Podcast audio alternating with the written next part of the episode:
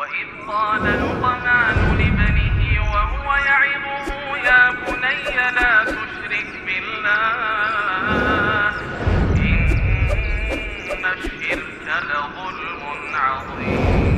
وإذ قال لقمان لابنه وهو يعظه يا بني لا تشرك بالله إن الشرك لظلم عظيم.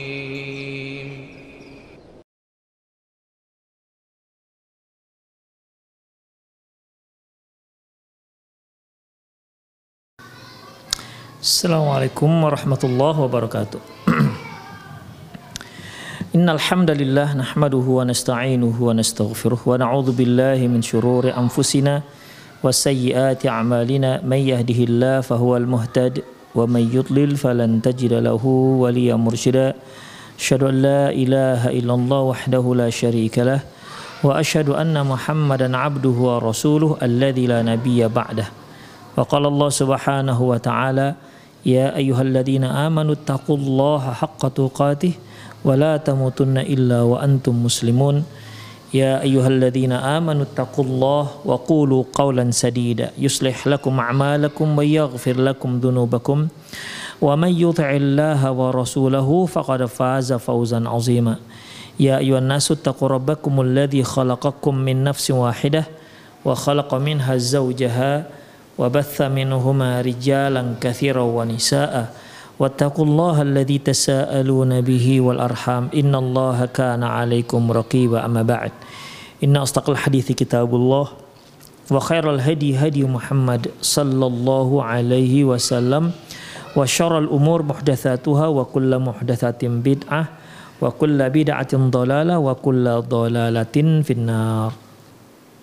Qala muallif berkata muallif penulis udhkurid dalila al-qur'aniyah ala anna radha'a haqqun thabitun litifl haqqus litifl uh, sebutkan dalil Qur'ani sebutkan dalil dari Quran yang menyebutkan bahwasanya susuan itu merupakan hak yang sudah tegas hak yang sudah sangat jelas untuk si bayi atau eh, hak sudah menjadi hak seorang bayi menjadi hak haknya bayi.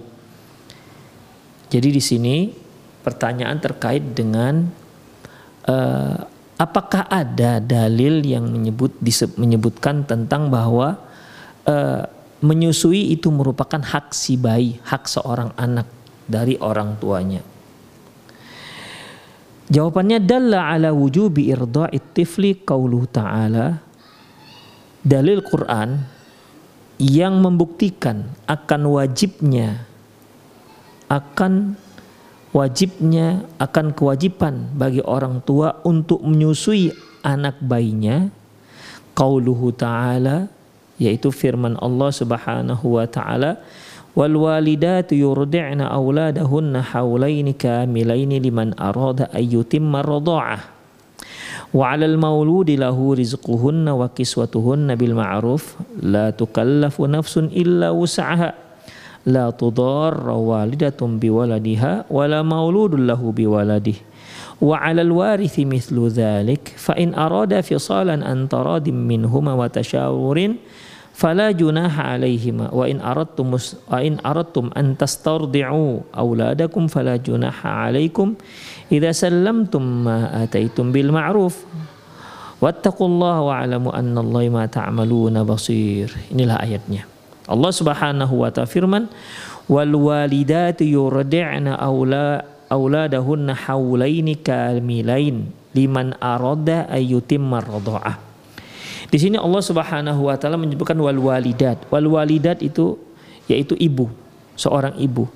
Tapi ibu di sini terkait dengan seorang wanita uh, yang sudah ditalak bain oleh suaminya. Karena ayat sebelumnya itu terkait dengan wanita yang sudah ditalak bain. Wal walidat yaitu ibu dari si anak. Tetapi posisi si ibu ini sudah ditalak oleh sang suami. talak bain. Bain uh, baik uh, talak bainnya bain kubro ataupun sugro bainunatu kubro atau bainunatu sugro talak bain kubro itu yaitu apabila seorang suami sudah menjatuhkan talak terhadap istrinya tiga kali talak. Maka di saat dia sudah jatuh talak ketiga otomatis si istri sudah terlepas dari sang suami. Tidak lagi dinamakan istri dan si laki-laki tidak lagi dinamakan suami. Walaupun si istri tetap dia harus me, apa namanya? tetap menjalani masa iddah. Tapi masa iddah ini yaitu masa iddah eh, terkait dengan laki-laki lain yang akan melamar dia.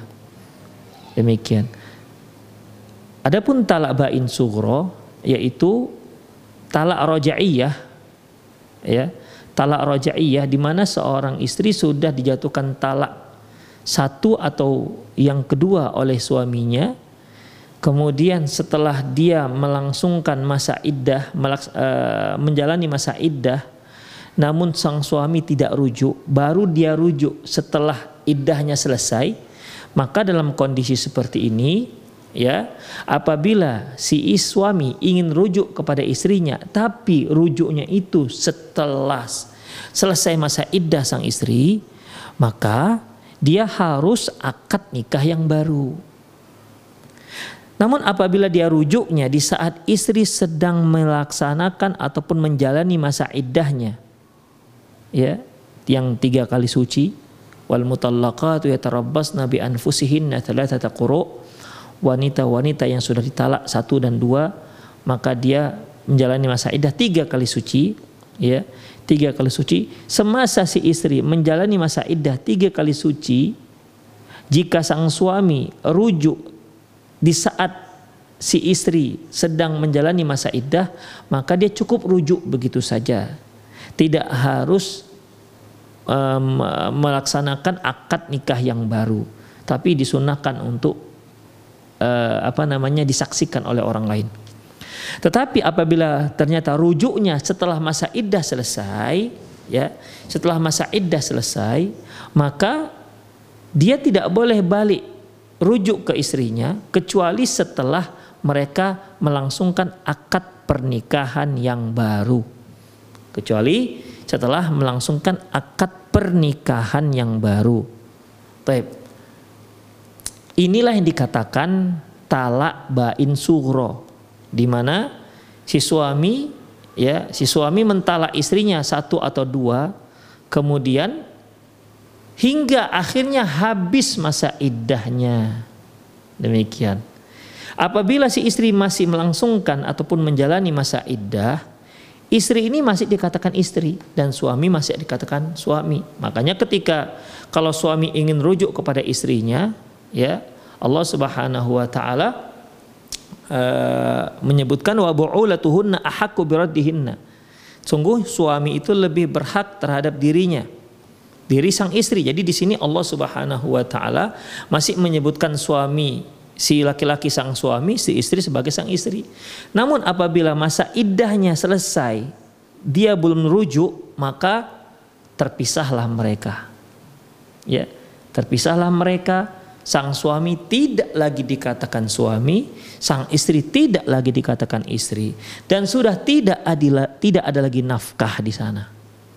Si istri sudah lepas, dia seperti sudah si wanita lain yang tadinya dia sebagai istri uh, boleh berkhalwat dengan dia, boleh bersentuhan, boleh berpegangan tangan walaupun dalam masa iddah ya, boleh melihat auratnya tetapi ketika sudah selesai masa iddahnya ya, maka si istri sudah menjadi si orang lain.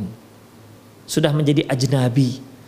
Ya, tidak boleh tengok auratnya apalagi disentuh. Sudah berlaku pada dia li ayyuta'ana ra'su rajulin bimikhyatin min hadidin khairun min ayamussal mar'ah la tahillulah sungguh seorang itu ditusuk kepalanya dengan paku dari besi lebih baik ketimbang dia menyentuh wanita yang bukan mahramnya jadi dia sudah tidak lagi mahram lagi ya ketika masa iddah sudah sudah habis. Inilah yang dikatakan talak bain sugro.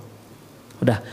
Kalau si suami mau balik, sementara masa iddah sudah habis, maka dia harus ulangi lagi nikahnya. Harus nikah, akad nikah yang baru, pakai mahar, kemudian dinikahkan oleh wali si perempuan. Ya sebagaimana dia nikah sebelumnya. Langsungkan akad nikah sebelumnya. Tapi ingat, ketika dilangsungkan akad nikah yang baru ini, talaknya masih terhitung, tidak ada pemutihan di sana. Ya, tidak ada di sana pemutihan. Jangan uh, apa namanya? Kalau dia su sudah habis masa iddahnya, kemudian dia pakai ta akad nikah yang baru, lantas talak yang yang sebelumnya dia uh, diputihkan jadi nol kembali, enggak. Talaknya tetap dihitung. Ya, talak tetap dihitung. Demikian ikhwah rahimanallahu wa iyyakum. Jadi wal walidatu dan dimaksud dengan wal walidat di sini adalah wanita yaitu wanita yang sudah ditalak bain. Baik bainnya bain kubro yaitu sudah talak tiga maupun bain sugro baik istilah fikihnya bainunatil kubro wal bainunatil sugro Taib. wal walidatu yurdi'na auladahunna haulaini kamilaini. Di mana mereka yurdi'na mereka menyusui auladahunna yaitu menyusui anak-anak mereka. Anak mereka yang mereka lahirkan. Ya, anak mereka adalah yang mereka lahirkan. In ummahatuhum illallai waladnahum. Tidaklah ibu mereka kecuali yang telah melahirkan mereka. Jadi yang dilahirkan inilah yang disebut dengan anak mereka. Jadi bukan bukan anak tetangga, bukan anak murid, bukan anak angkat, bukan. Bukan keponakan, tapi anak yang dilahirkan. Jadi di sini bicara antara ibu dan anak anak kandung dan ibu kandung, bukan antara ibu dan anak angkat, bukan antara ibu dan anak uh, anak tetangga misalnya, enggak. Yurdi'na auladahunna. Di sini Allah Subhanahu wa taala uh, memberitahukan mereka dan kaum para ibu menyusui anak-anaknya. Di sini khobar, khobar tapi maknanya insya'i. Dia itu berita, ini kan pernyataan ini. Tapi maksudnya adalah di mana kaum ibu itu wajib untuk menyusui anaknya. Itu dia. Yurdi'na. Wajib untuk menyusui anaknya. Seolah Allah mengatakan irda'na. Begitu. Susuin anak-anak kalian. Gitu seolah. Ya, jadi di sini Allah Subhanahu wa taala uh, memberitakan bahwasanya kaum ibu itu menyusui anak-anak mereka. Walaupun di sini ada perbedaan pendapat para ulama ada yang menyebutkan wajib ya ada yang menyebutkan mustahab. Tapi yang rojih ikhwah bahwasanya seorang ibu wajib menyusui anaknya. Ya tentunya kalau dia punya air susu. Karena ikhwah banyak juga sih kaum ibu ini yang takut nanti buah dadanya kendur akhirnya dia tidak mau menyusui anaknya. Naudzubillah min dalik tak dibolehkan. Karena menyusui itu merupakan hak setiap setiap bayi itu hak bayi yang harus diberikan kepada yang harus diberikan seorang ibu kepada bayinya terutama terutama susu yang pertama. Kalau orang Arab bilang labahnya. Air susu yang pertama itu luar biasa faedahnya untuk si si bayi. Air susu yang pertama uh, pertama mengalir dari dari susu seorang ibu. Demikian. Ya itu merupakan hak seorang bayi dari ibunya atau ibu wajib menyusui anaknya. Auladahunna yaitu anak-anak mereka ya baik anak perempuan maupun anak laki-laki sama yang penting adalah anak yang lahir dari mereka. Haulaini kamilain. Haulaini kamilain. Dua tahun sempurna wal walidatu yurdi'na auladahunna haulaini kamilaini dan ibu-ibu kaum ibu yang menyusui anak-anak mereka dua tahun sempurna. Ini ikhwah rahimanallahu ikum dari dari uh, secara implisit ini menunjukkan bagaimana kasih sayang Allah Subhanahu wa taala kepada makhluknya. Ketetapan Allah Subhanahu wa taala ya yang yang disebutkan dalam syariat Islam itu menunjukkan betapa kasih sayangnya Allah Subhanahu wa taala terhadap para bayi. Ya. Menunjukkan kasih sayang yang luar biasa. Ya. Menunjukkan kasih sayang yang luar biasa. kasih sayang Allah Subhanahu wa taala terhadap manusia itu jauh lebih kasih sayang ketimbang seorang ibu kepada anaknya. Ingat kisah ketika Rasulullah SAW melihat seorang wanita seorang wanita yang menyusui anaknya. Rasulullah bertanya kepada sahabat, menurut kalian mau nggak kira-kira ibu itu melemparkan anaknya ke neraka, ke, ke api?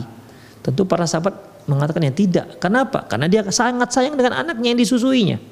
Ya, sangat sayang kepada anak yang dia susuinya. Apa kata Rasulullah SAW? Sungguh kasih sayang Allah kepada hamba itu jauh lebih sayang.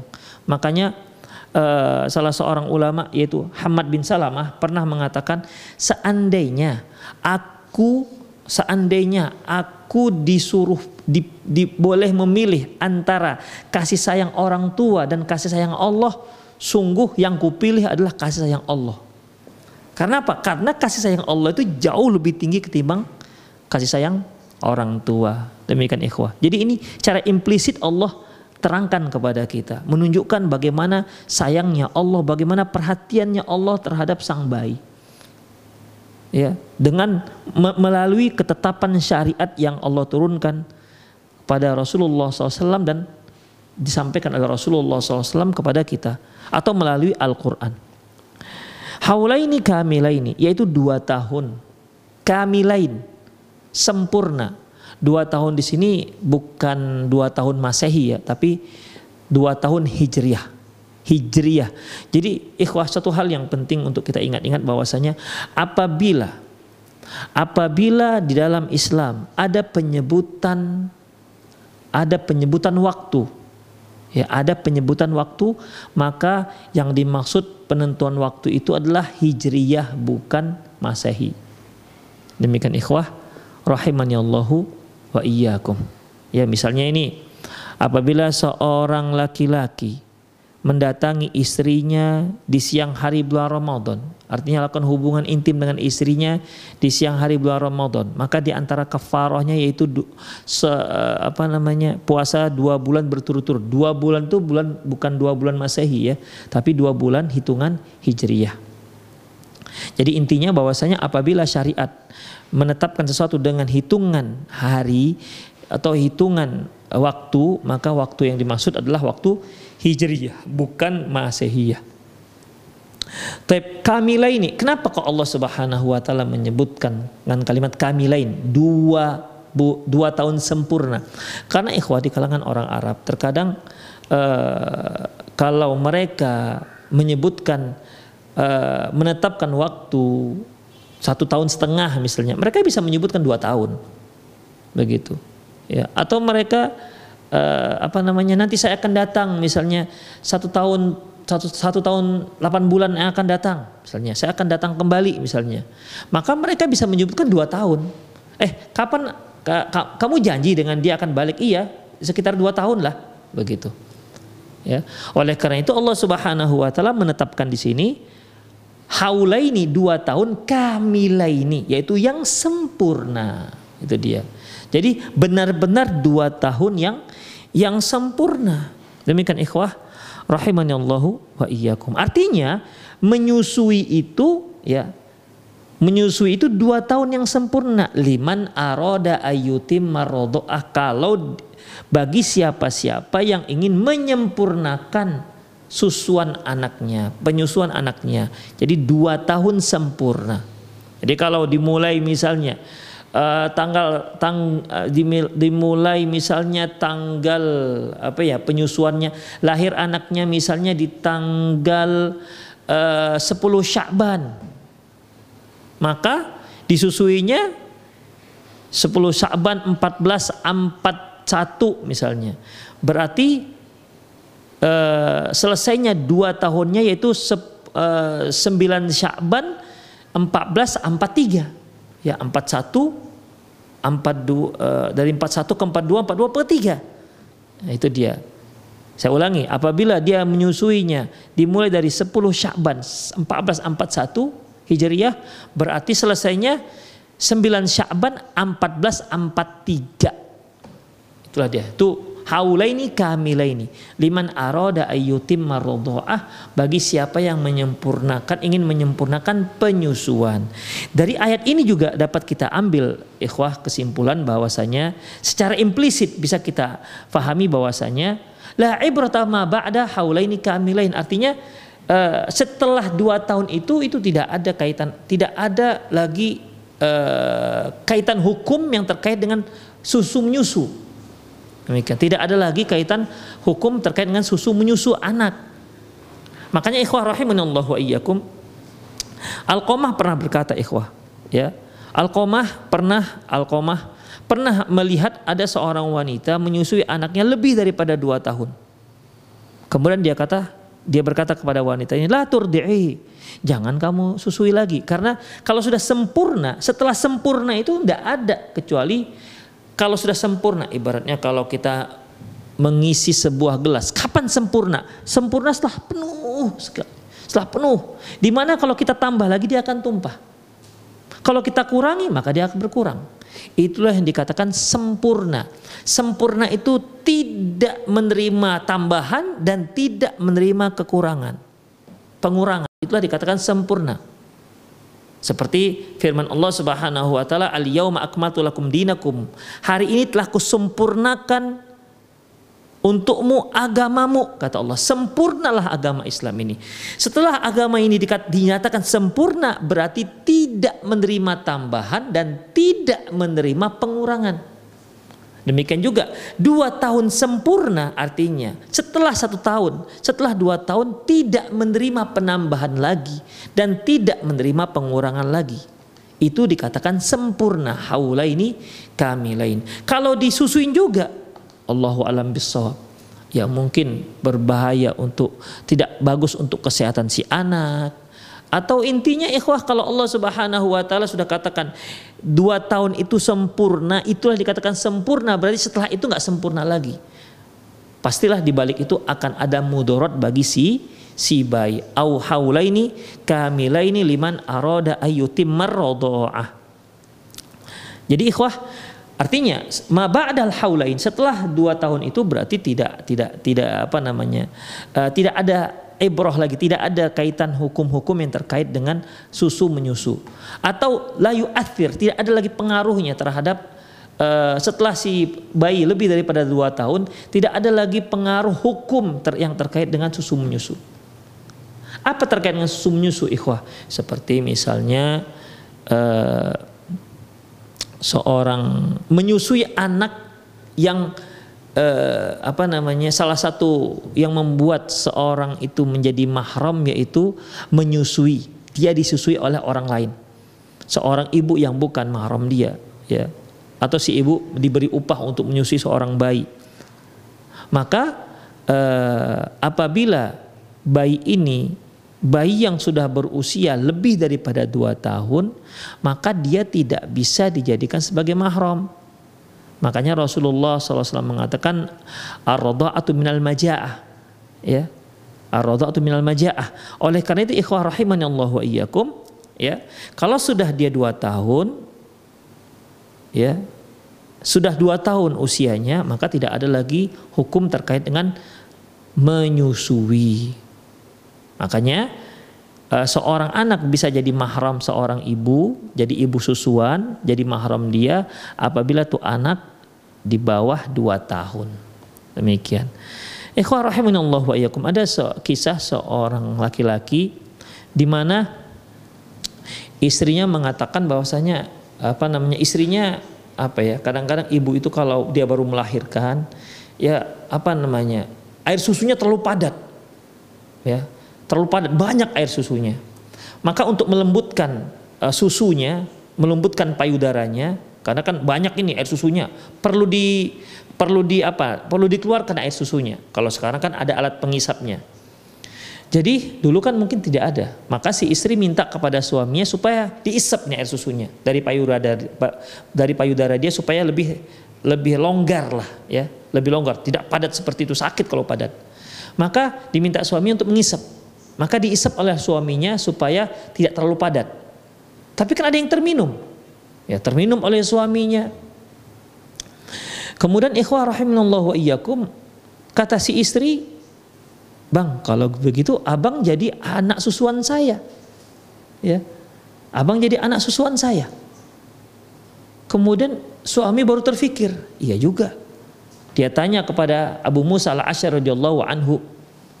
Lantas kata Abu Musa al-Asy'ari, "Oh, ya betul. Berarti kamu jadi mahram istrimu. Jadi istrimu jadi ibu susuan kamu karena kamu sudah menyusu dari dia." Ya mungkin diminum, ya diminum oleh si suami ini.